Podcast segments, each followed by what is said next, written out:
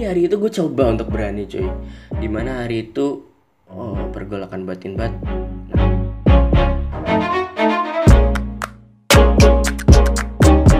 ya lu lepaskan aja untuk bercerita. Siapa tahu ini bisa jadi pelajaran untuk orang yang mendengarkan. Siapa tahu tapi kalau enggak ya setidaknya itu lepaslah dari diri lu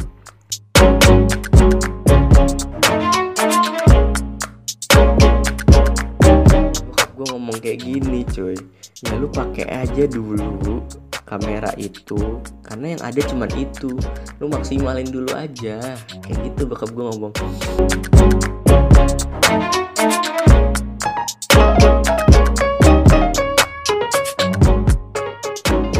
Halo, kembali lagi bersama gue Arif di Memoirs After Talk. Hai, gimana kabar kalian?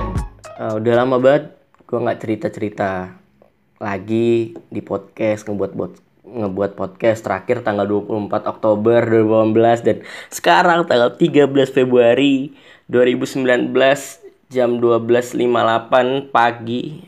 Ya jam 00.58 pagi. Gue ada di kosan hari ini. Ya kangen aja sih untuk bercerita. Udah oke banyak banget deh yang yang gue lewatin setelah Oktober tanggal 24 Oktober itu dan sampai sekarang udah Februari aja di 2019 di 2019 cuy. Gila sih. Uh, gue pingin bercerita satu-satu siapa yang udah gue lewatin selama kurang lebih November Desember Januari. Ya tiga bulan ke belakang.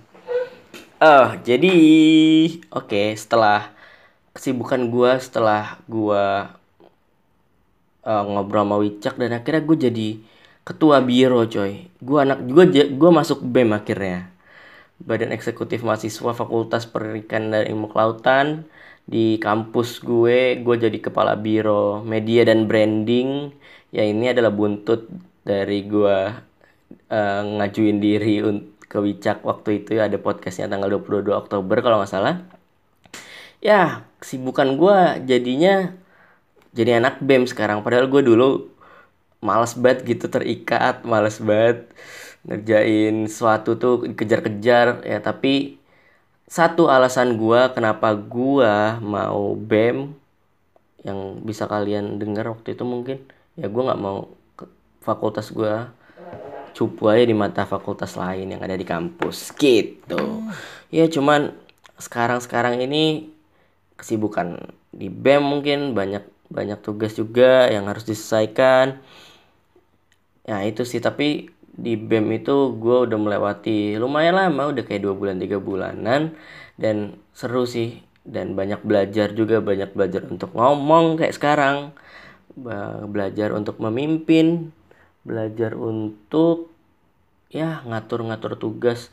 Tapi masih banyak hal-hal yang ke depan yang akan gue lakukan dan ya hari ini kenapa gue buat ini karena gue kangen untuk ngobrol dan gue ingin cerita experience gue di BEM yang awalnya adem ayem. Ya gue gue nggak bisa pungkirin kalau gue butuh jeda untuk berpikir.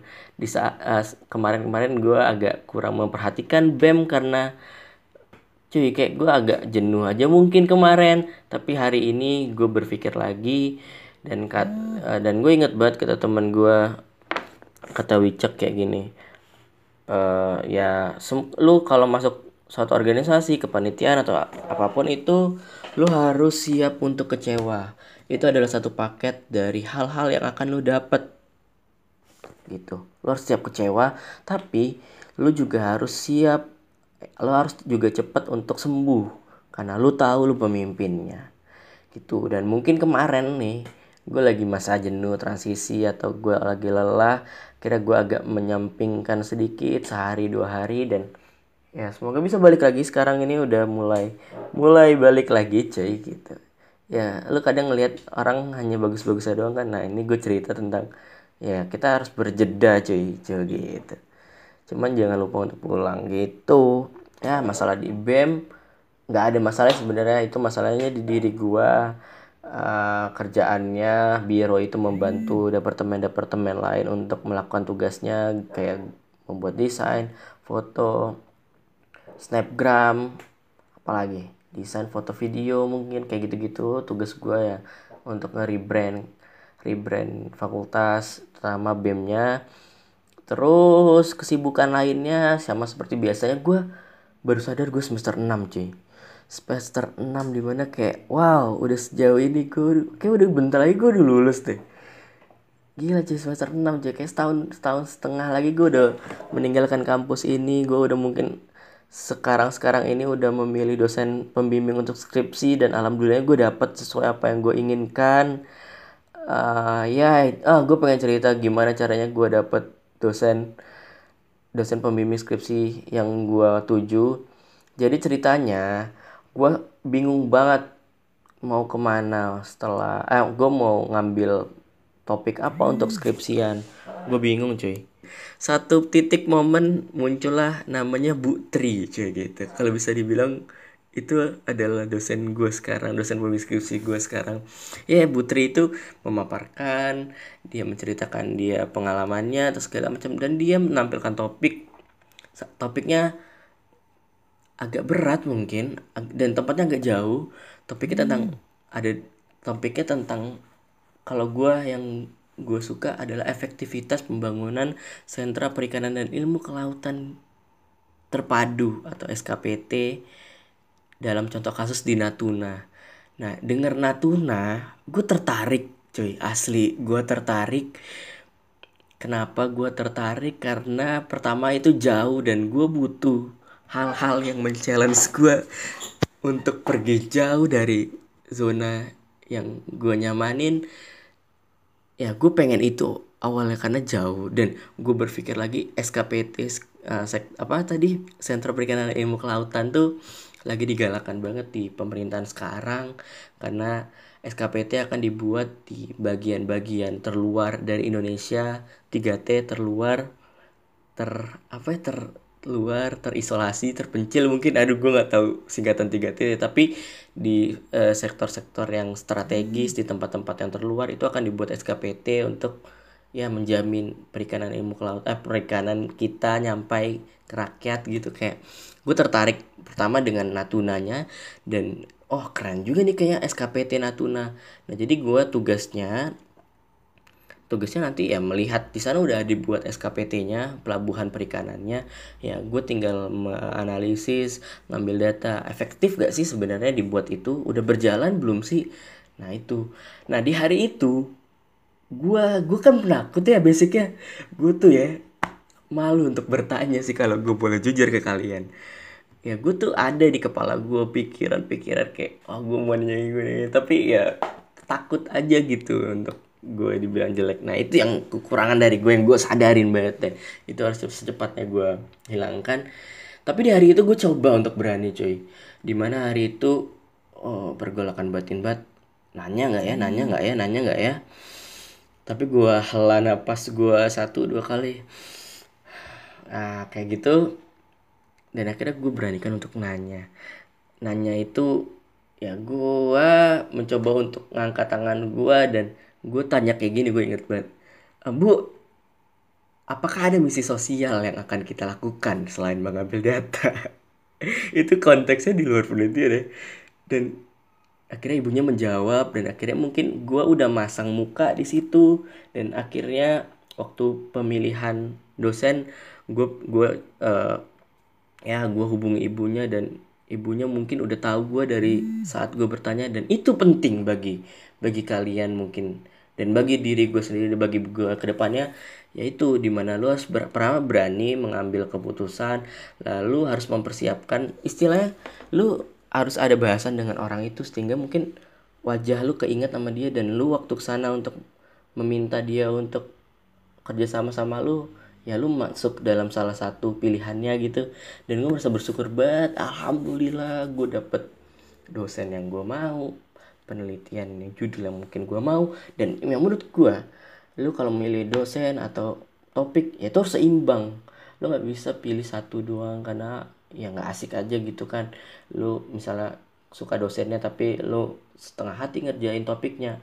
Mungkin lu suka topiknya tapi lu nggak nggak ada hubungan baik dengan dosennya. Nah lu harus dapat dua-duanya sih cuy. Kalau menurut gua dosen dan judul topik yang lu mau itu uh, sesuai sama lu kayak gitu. Itu yang gue syukuri banget selain gue di bem gue dapat keluarga baru teman-teman baru prioritas prioritas baru. Uh, apalagi yang ingin gue ceritain ya? Uh, oke okay, gue semester 6 ya. Bentar lagi gue akan skripsian. Ya banyak hal di tahun ini akan gue lewatin teman-teman. Seperti KKN kuliah kerja nyata mungkin sibuk belajar untuk skripsian. Dan gue senang banget cuy. IP gue naik cuy di semester 5 kemarin. Alhamdulillah banget. Yang bener banget lu butuh rival. Yang gue bilang gue butuh rival yaitu teman gue sendiri teman sahabat gue namanya Gilar yang IP-nya hampir mendekati 4,0 ya lu butuh rival agar lu semangat untuk berlari. Setidaknya lu bisa menyamai atau pada ujungnya mungkin lu kalah ya nggak masalah. Tapi lu ada kemam ke ah gitu ada suara suara apa sih namanya? Suara tiang listrik diketok karena udah jam satu. Ya lu harus punya rival untuk bisa lu bisa berlari lebih jauh sih. Lebih semangat lah larinya. Dan IPD gue alhamdulillah naik. Jadi 3,5 yang awalnya 3,3 gue syukur banget. Gue syukur banget cuy. Nah gue harus harus harus harus kayak gitu terus. Jadi rival gue harus gue naikin lagi. Dan intensitas belajar gue harus harus harus banget gue perbaiki. Ya gue seneng banget yang pertama. Semester 6 udah bentar lagi gue dapat pembimbing skripsi dan topik skripsi yang alhamdulillah gue mau. Terus gue bem dapat keluarga baru dan dan hal yang gue sadari yang gue jalani yang gue percayai di setelah setelah pergantian tahun ini adalah hmm. keluarga. Gue ingin bercerita tentang keluarga gue mungkin. Uh, ini jadi ya keluarga gue sederhana biasa-biasa aja. Gaya hidupnya standar orang-orang Jakarta pada umumnya. Dan kalau gue bisa cerita teman-teman ya mungkin gue agak-agak sedikit malu sih mungkin. Ya tapi gue sudah berdamai dengan masalah itu bukan masalah sih dengan hal itu ya di saat lu berdamai dengan hal itu ya lu lepaskan aja untuk bercerita. Siapa tahu ini bisa jadi pelajaran untuk orang yang mendengarkan. Siapa tahu tapi kalau enggak ya setidaknya itu lepaslah dari diri lu karena lu menyampaikan itu ya. E, jadi e, tahun lalu tuh mungkin bagi keluargaku perekonomiannya lagi nggak baik-baik saja. Di mana ya bapak gua adalah kontraktor proyek-proyek uh, bangunan gitu dan ibuku adalah pedagang di Tanah Abang pedagang pedagang hmm. jilbab kalau kalian mau tahu. Ya ya jadi kalau bapakku kan ini ya eh bapakku bapak gua cie gitu. Bapak gua ini ya kontraktor. Lo kontraktor tahu kan ada proyek kan? Ah itu kan proyek-proyek itu kan nggak mesti selalu ada ya. Kadang ada kadang enggak kalau ada alhamdulillah kalau nggak ada ya lu harus harus harus harus nyari apa nyari atau enggak lu ngapain gitu kan. Ya gue bersyukur banget cuy. Eh gue pengen cerita aduh gue bingung mulai dari mana.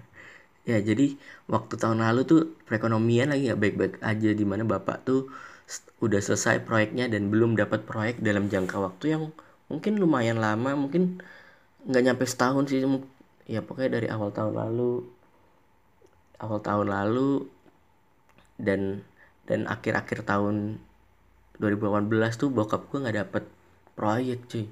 Jadi gue banyak belajar banget bapak hmm. tuh jadi lebih sabar lebih sering di rumah lebih sering ngurusin adik.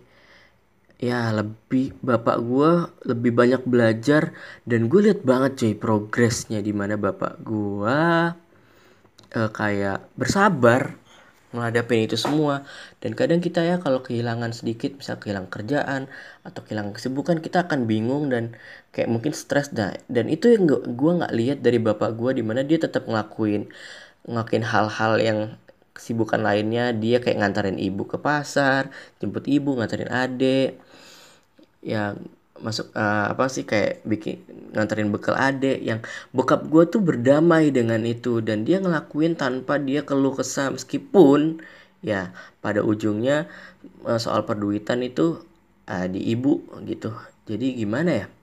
Gue nggak bilang bokap gue nggak nggak dapat pendanaan. Cuma gue nggak tahu dia dapat pendanaan pendanaan dari mana. Tapi hmm. yang jelas ibuku yang yang lebih lebih trigger untuk pendanaan ya jadi bapak bapak nggak terlalu banyak kerjaan di rumah ngurusin rumah. Dan gue lihat uh, bapak gue ada peningkatan mungkin uh, ya peningkatan banget dari dia sisi belajarnya tuh belajar dia malah jadi banyak belajar tentang berbagai hal gitu. Dan tahu kalian dia tuh bikin iseng-iseng bikin uh, kolam kan di rumah gue ada tanah lebih gitu ya di sebelahnya. Masih tanah keluarga juga. Dia akhirnya membuat kolam budidaya lele yang sekarang tuh ada satu dua tiga empat lima enam. Ada enam enam kolam yang lumayan besar yang kayak kayak kolam terpal yang bulat gitu. Dan satu satu isinya tuh bisa 4000 ikan lele. Nah, gue ngeliat bokap gue belajar banget dari YouTube, dia lihat Facebook, ikut komunitas budidaya, dia beli. Bokap gue belajar kayak gitu cuy. Gila loh, gue yang gak kepikiran banget, gue yang anak perikanan kelautan, gue gak ngerti yang kayak gitu. Bokap gue ngerti banget. Yang awalnya dia belajar di YouTube, dia buat sendiri, dia gue nggak tahu kayak dia minta, minta duit sama nyokap untuk membuat itu, membuat ter, apa mesin terpal buat buat pagernya sendiri. Gila loh bokap gue seberusaha itu gue kayak emes saya gila coy gue yang ke rumah tuh kayak oh my god.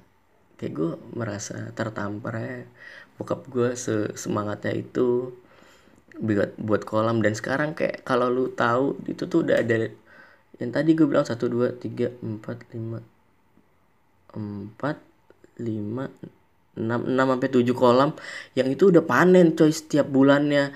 Dan ada orang yang ngambil untuk untuk beli hasil lele bokap gue keren gak tuh? Keren ya.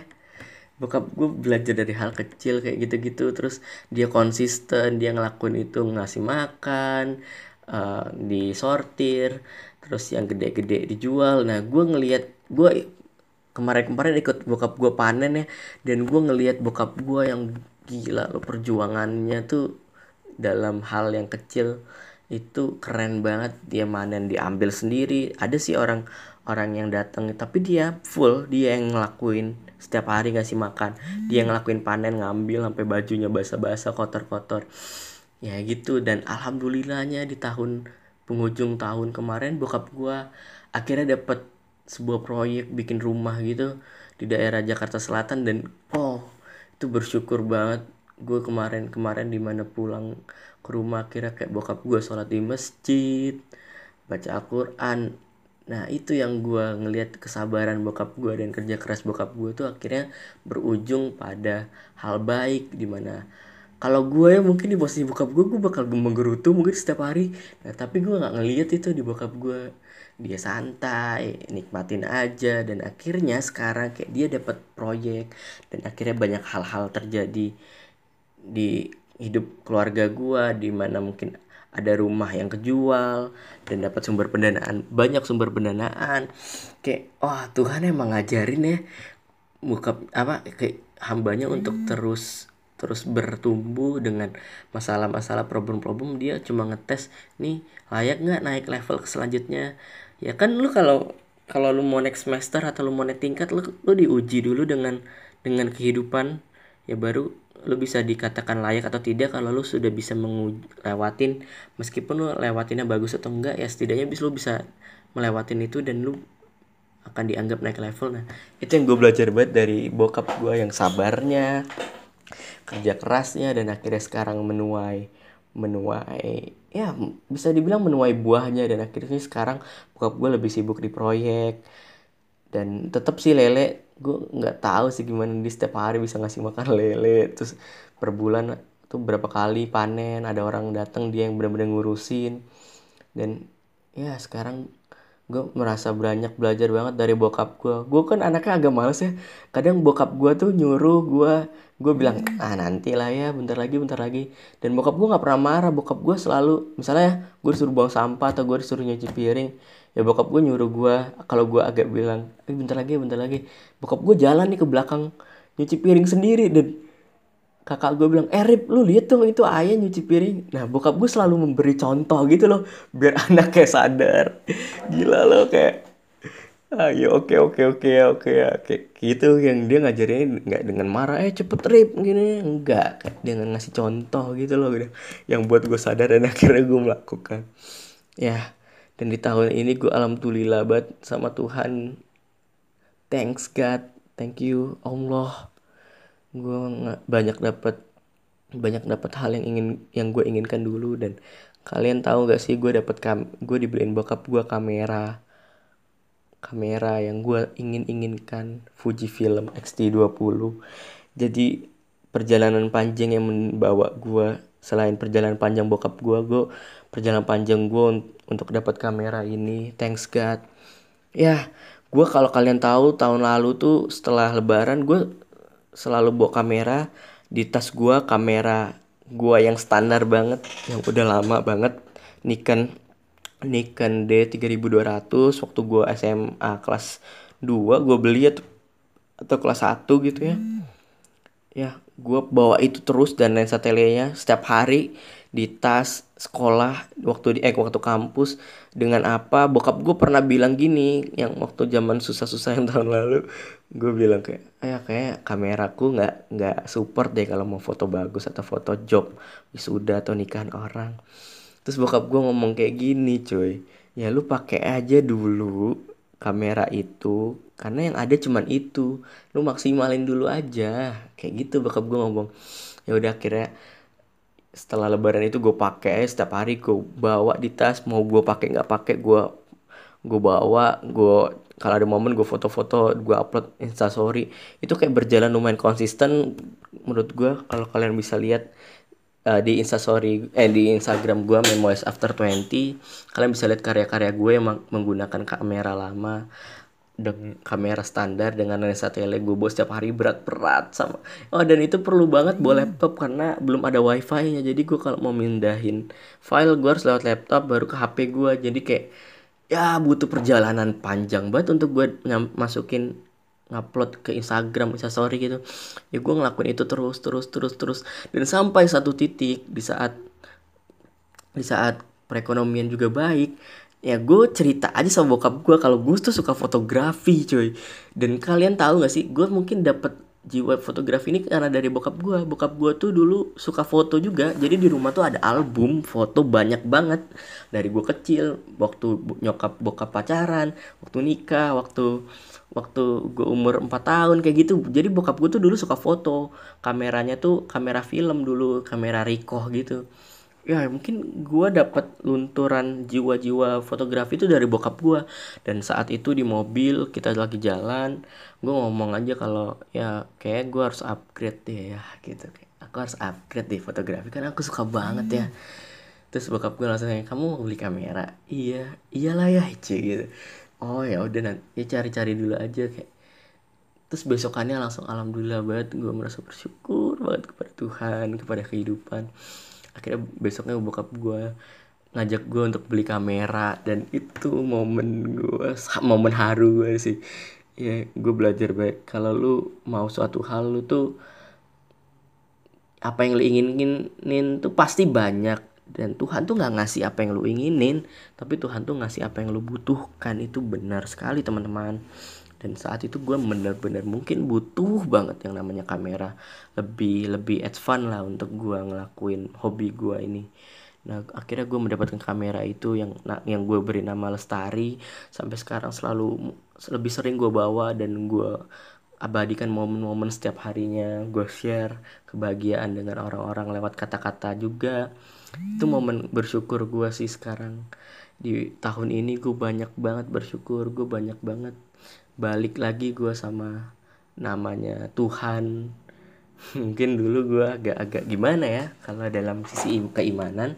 Dan sekarang gue percaya banget kalau kalau ya ya semua itu semua itu dari yang di atas gitu ada yang nyiptain lo. Dan lo tugas lo lakuin yang terbaik lakuin yang terbaik terbaik hasilnya yang ngasih Tuhan gitu. Allah kalau dalam kepercayaan gue ya. Ya gue lebih sekarang lebih sayang sama keluarga lebih menghargai kehidupan lebih enjoy dalam melakukan kehidupan. Dan gue percaya banget sekarang uh, gue dapet quotes ini dari Insinyur Soekarno. Dia pernah bilang seperti ini aku meminta dan aku diberi bagaimana aku tidak percaya? Itu benar hmm. banget meminta lu selalu berdoa kepada yang punya semua segala isi bumi uh, meminta dan lu akan diberi pada saat yang tepat pada saat lu butuh banget. Ya masa lu nggak nggak akan ada lagi alasan untuk lu gak percaya kepada yang di atas kepada semesta kepada Tuhan. Gitu. Mungkin ini sih yang ingin gue ceritakan. Dan maaf banget cuy gue udah kayak berapa bulan udah nggak ngebuat podcast uh, ke depannya gue ingin sekali bercerita-cerita seperti ini. Ini menjadi pembelajaran gue audio experience gue menjadi gue belajar public speaking juga gue belajar untuk bercerita atau storytelling atau berdongeng juga kepada kehidupan ini. Dan mungkin saat suatu nanti gue pendengarkan gue akan realize di momen hari ini gue pernah ngelakuin ini cuy. Thanks banget yang udah dengerin. Salam salam memori cuy gitu. Salam lestari dari Arif manusia merdeka. Terima kasih. Bye see you soon.